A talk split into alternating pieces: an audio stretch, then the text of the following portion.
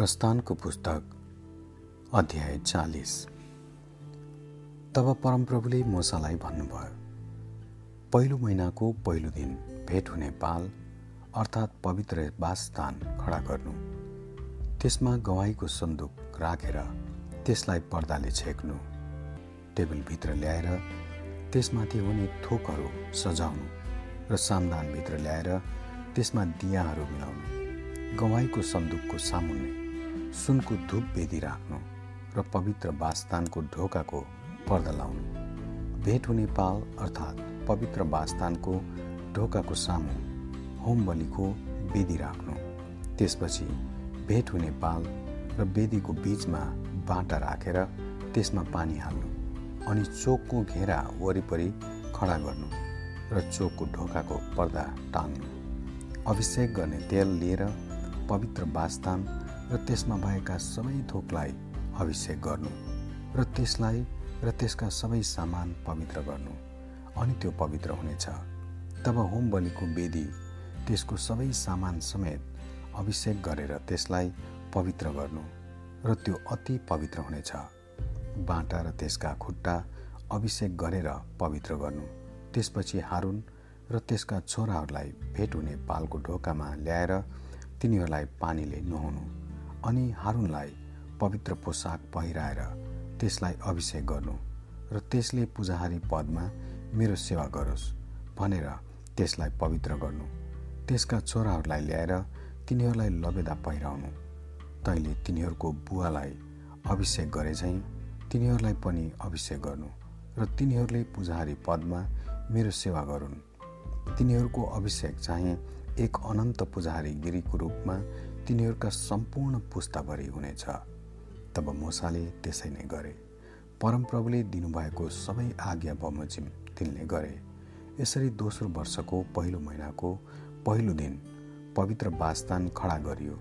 मोसाले पवित्र वासस्थान खडा गरे र त्यसका आधारहरू राखेर त्यसका फल्याकहरू ठाडो राखे तिनीहरूमा बार लगाई त्यसका खम्बाहरू खडा गरे। त्यसपछि तिनले पवित्र वासस्थानमाथि पाल फिजाएर पालमाथि छत लगाए जस्तो परमप्रभुले तिनलाई आज्ञा गर्नुभएको थियो। अनि तिनले गहाई पाटे ल्याई सन्दुकभित्र राखेर डन्डाहरू सन्दुकमा हाले र कृपा आसन सन्दुकमाथि राखे। तब तिनले सन्दुक पवित्र वासस्थानभित्र ल्याए र छेक्ने पर्दा टाँगेर गवाईको सन्दुक छेके जस्तो परमप्रभुले तिनलाई आज्ञा गर्नुभएको थियो। अनि मोसाले भेट हुने पालमा पवित्र वासस्थानको उत्तरतर्फ पर्दाको बाहिरपट्टि टेबिल राखे। त्यसपछि तिनले त्यसमाथि परमप्रभुको सामुन्ने रोटी सजाएर राखे जस्तो परमप्रभुले तिनलाई आज्ञा गर्नुभएको थियो। तिनले भेट हुने पालमा टेबलको सामु पवित्र वासस्थानको दक्षिणतिर सामदान राखे। तिनले परमप्रभुको सामुन्ने दियाहरू मिलाए जस्तो परमप्रभुले तिनलाई आज्ञा गर्नुभएको थियो।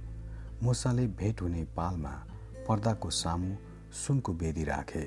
तिनले त्यसमा सुगन्धित धुप बाले जस्तो परमप्रभुले तिनलाई आज्ञा गर्नुभएको थियो अनि तिनले पवित्र वासस्थानको ढोकामा पर्दा राखे। तब तिनले भेट हुने पाल अर्थात् पवित्र वासस्थानको ढोकामा होम बलिको बेदी राखेर त्यसमा होम बलि र अन्न बलि चढाए जस्तो परमप्रभुले तिनलाई आज्ञा गर्नुभएको थियो। तिनले भेट हुने पाल र बेदीको बीचमा बाँटा राखेर धुनलाई पानी हाले। मोसा हारुन र तिनका छोराहरूले त्यसमा आआफ्नो हात खुट्टा धोए। तिनीहरू भेट हुने पालमा पस्दा अथवा वेदीमा जाँदा तिनीहरूले हात खुट्टा धुने गर्थे जस्तो परमप्रभुले मोसालाई आज्ञा गर्नुभएको थियो। तब मोसाले पवित्र वासस्थान र वेदीका चारैतिर ढोकाको घेरा खडा गरे र चोकको ढोकाको पर्दा टाँगे। यसरी मोसाले काम समाप्त गरे। तब भेट हुने पाल बादलले छोप्यो र परमप्रभुको महिमाले पवित्र वासस्थान भरियो अनि मोसा भेट हुने पालमा पस्न सकेनन् किनकि त्यो बादल त्यसमा बसिरह्यो र परमप्रभुको महिमाले पवित्र वासस्थान भरियो। आफ्ना सबै यात्राहरूमा जब त्यो बादलभित पवित्र वासस्थानबाट माथि उठ्थ्यो तब इजरायलीहरू अघि बढ्थे। तर त्यो बादलमाथि उठेन भने जुन दिनसम्म त्यो माथि उठ्दैन थियो तिनीहरू हिँड्दैनथे तसर्थ सबै इजरायलीहरूका घराना अघि र तिनीहरूका सबै यात्राभरि दिउँसो परमप्रभुको बादल पवित्र वास्थानमा हुन्थ्यो र राति चाहिँ बादलमा आगो हुन्थ्यो। आमेन।